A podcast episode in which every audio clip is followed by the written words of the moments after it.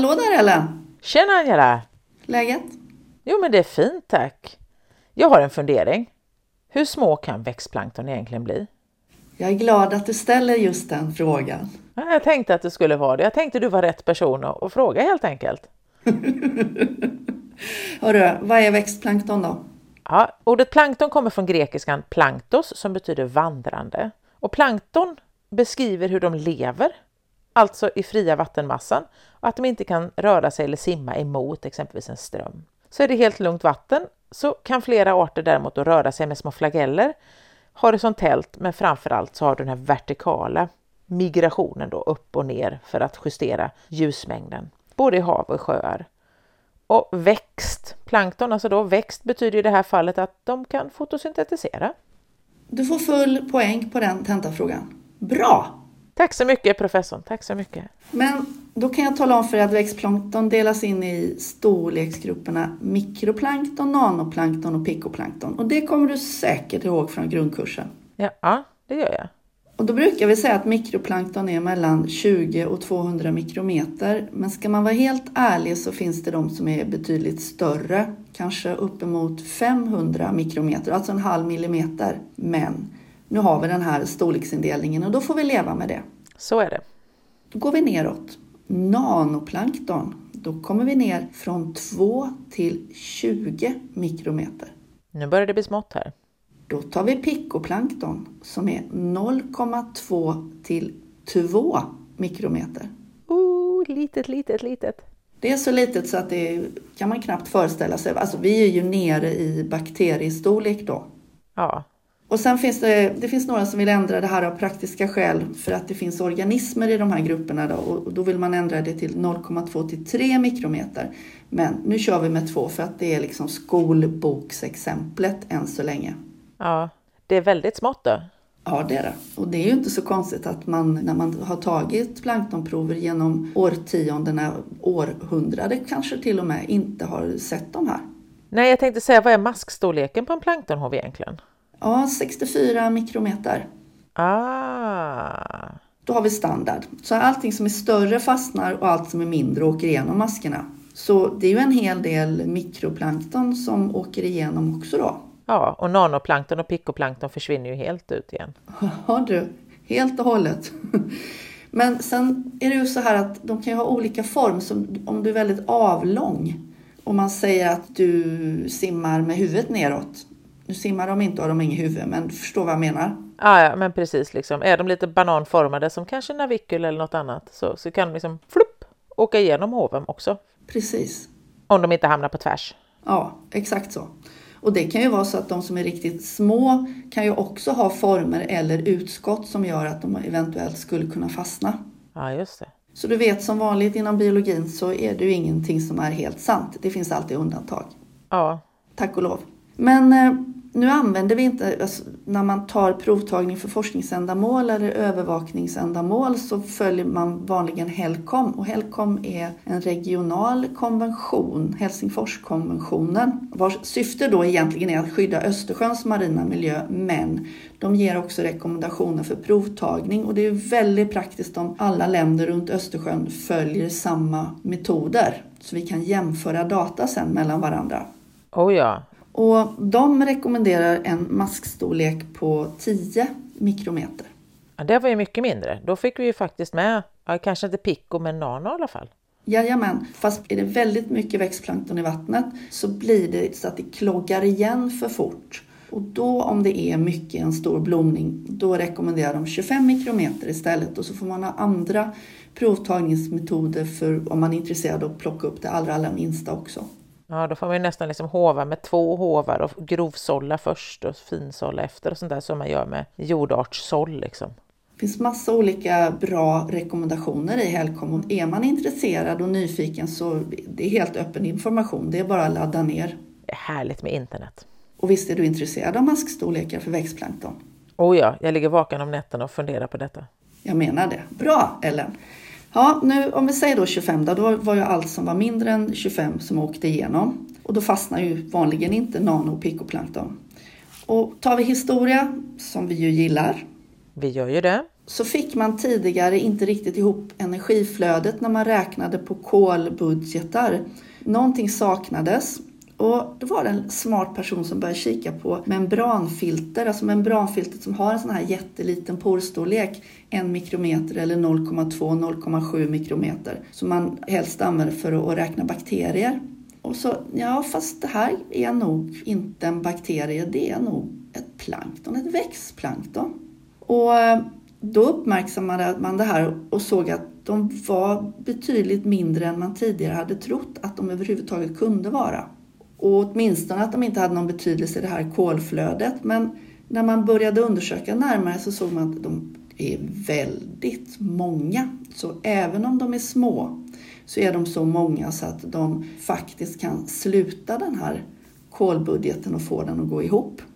Som Bamse säger, små vänner är också bra. den är bra.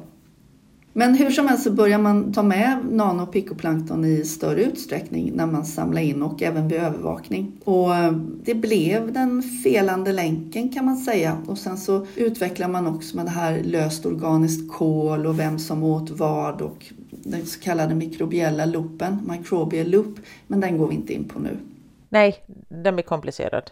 En annan gång. Sen fick man bra och moderna metoder som till exempel en flödescytometer, epifluorescensmikroskop och även olika molekylärbiologiska metoder nu på senare tid. Och det här sammantaget gör att man lär sig mycket, mycket, mycket mer om de riktigt, riktigt små nano och picoplankton. Särskilt nu på sista tid med de här eh, DNA-metoderna som finns nu. Mm. Nu börjar det bli riktigt häftigt. Nu börjar det nästan bli som det är på TV. Ja, och man pratar om PCR och qPCR och det finns många olika metoder och det kan man bara googla på. Varför inte fråga ChatGPT? ja, det kan man göra. Hur som helst, vilka är de här små raringarna? Ja, men de kan tillhöra flera olika grupper. Nu lämnar vi cyanobakterierna. En stor del av de här picoplanktorna tillhör cyanobakterier, men det får bli ett annat avsnitt. Vi fokuserar på alger. Vad är det som kännetecknar alger, Ellen? Det är eukaryota celler. Ja, vi stannar där i mikroskalan. Och om vi ska låta pikoplankton stå i fokus, så den första publikationen jag har hittat, den är från 1911. Hans Theodor Lohmann. Han ja, ska du säga då? Ja, ja, han ja, såklart. Visst, absolut. Ja, ja. Eh, det var han eh, tyska marinbiologen va? Bra där. Han föddes 1863 och eh, den här artikeln är på tyska så jag erkänner att eh, jag har fuskat. Jag har definitivt inte läst hela. Jag är besviken. Jag trodde att alla med professorsgrad var flytande i vetenskapstyska. Eller hur? Men eh, det spännande är att vad Theodor egentligen studerade, det var filtreringsmekanismerna hos riktigt små djur, appendikularier. På svenska säger vi svanssjöpungar. Åh, oh, det är de där små som ser ut som grodyngel och så bygger de ett slemhölje och filtrerar ut stuff med. Helt rätt. Bidrar mycket till marin snö. De är coola. Och de är bara några millimeter stora så du kan ju tänka dig, ska han då studera typ mundelar och filtreringsmekanismer då har han väldigt stor förstoring. Uh, japp. Så han kunde ana de här riktigt, riktigt små pikoplankton men det blev liksom ingenting av det här.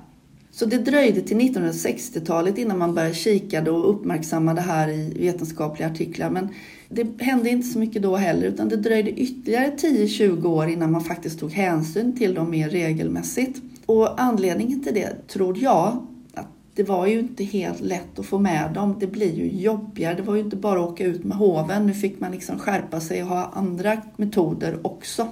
Vi kan väl säga så här att som om det inte är jobbigt nog att titta på mundelar på ett djur som är en millimeter. Någonstans så känner man väl kanske att man har inte sitt liv till det priset. Så tänker du? Kanske så tänker jag. Jag tänker att det hade varit fantastiskt att bara få hålla på och fippla och dona och utveckla metoder och riktigt grotta ner sig i det här som är så litet, så litet, så litet så det nästan inte finns.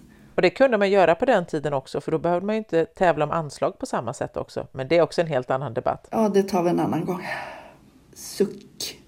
Men, coola grejer. Om man räknar på det här så att om en, ett plankton, växtplankton, då pikoplankton, är en mikrometer så är sjunkhastigheten i vatten ungefär 2,5 millimeter per dygn. Okej, det är inte jättesnabbt. Alltså jag funderar på hur man överhuvudtaget kan mäta det. Jag- säger ju det, man har inte sitt liv till det priset. Sen har de också en väldigt hög kvot mellan yta och volym och det gör att de har ett effektivare näringsupptag. Och de ger växa så finfint i riktigt näringsfattiga vatten. Öppna oceaner är ju typiskt näringsfattiga. Oh ja. Så där hittar man flest. Och sen har de ett effektivare ljusupptag så att eh, de har många fördelar. Och om vi riktigt generaliserar så talar vi om någonstans eh, från 1 till 100 miljoner celler per liter. Och i sjöar kanske 10 gånger fler. Åh, så man får ju... Ja, en kallsup är ju ändå liksom en, en dagens grönsaksintag kan vi säga då. Oh ja! Nu förstår jag att du är väldigt nyfiken på vilka arter det kan röra sig om. Ja, men faktiskt, för jag känner som att jag kanske känner igen någon från grundkursen. Micromonas pusilla. Ja, mikromonas känner jag igen. Ja. Ja, det är en grönalg och en så kallad prasinofyt. Det är en speciell grupp inom grönalgerna. Och den har en flagell. Finns över hela världen, både varma och kalla vatten. Om jag säger Emiliania huxleyi.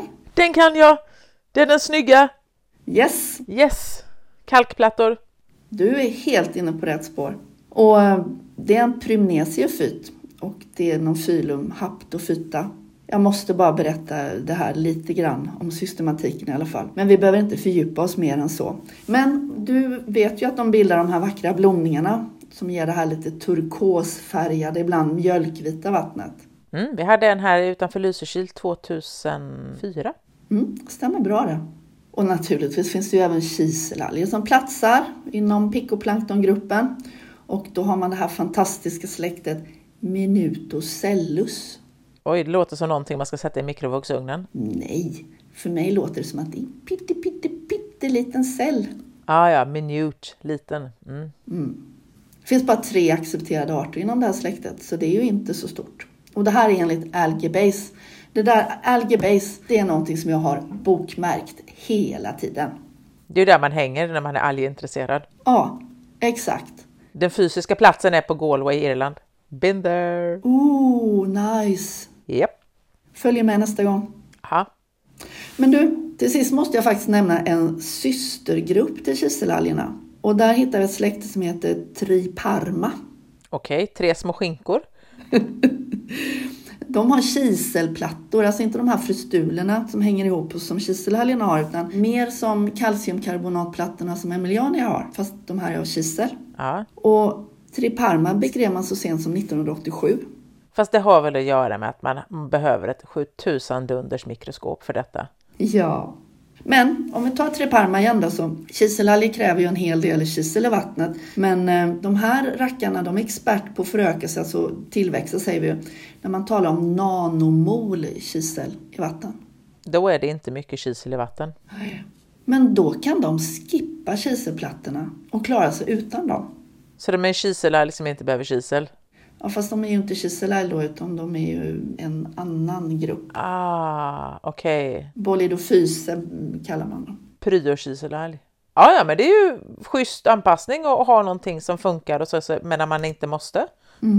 Sen gör det ju inte ont att de gillar kallvatten. Är det sådär så du måste åka till polerna nu igen? Ja, Det börjar bli dyrt att umgås med dig. Nej, men hörru, jag tror att total förvirring råder och man kanske behöver lyssna på det här avsnittet ett par gånger för att hänga med. Ja, och googla runt lite grann.